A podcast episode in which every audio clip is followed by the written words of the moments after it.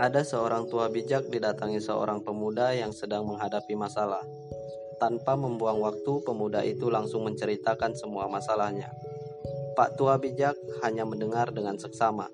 Lalu ia mengambil segenggam serbuk pahit dan meminta anak muda itu mengambil segelas air. Ditaburkanlah serbuk pahit itu ke dalam gelas dan diaduk perlahan. Coba minum ini dan katakan bagaimana rasanya, ujar Pak Tua. Pahit sekali, jawab pemuda itu. Pak tua itu tersenyum, mengajak pemuda itu untuk berjalan ke tepi danau di belakang rumahnya. Mereka berjalan berdampingan dan akhirnya sampailah mereka berdua ke tepi danau yang tenang itu.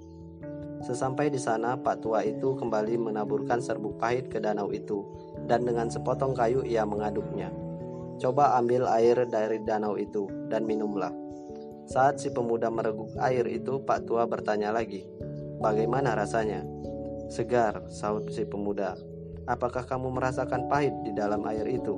Tanya Pak tua itu. Tidak, sahut pemuda itu. Pak tua itu tertawa sambil berkata, Anak muda, dengarkan baik-baik. Pahitnya kehidupan sama seperti segenggam serbuk pahit ini. Tak lebih tak kurang, jumlah dan rasa pahitnya pun sama dan memang akan tetap sama. Tapi ingat, kepahitan yang kita rasakan sangat tergantung dari wadah yang kita miliki. Jadi, saat kita merasakan kepahitan dan kegagalan dalam hidup, hanya ada satu yang kita dapat lakukan: luaskan dan perbesar kapasitas hatimu untuk menampung setiap kepahitan itu. Hati kita adalah wadah itu.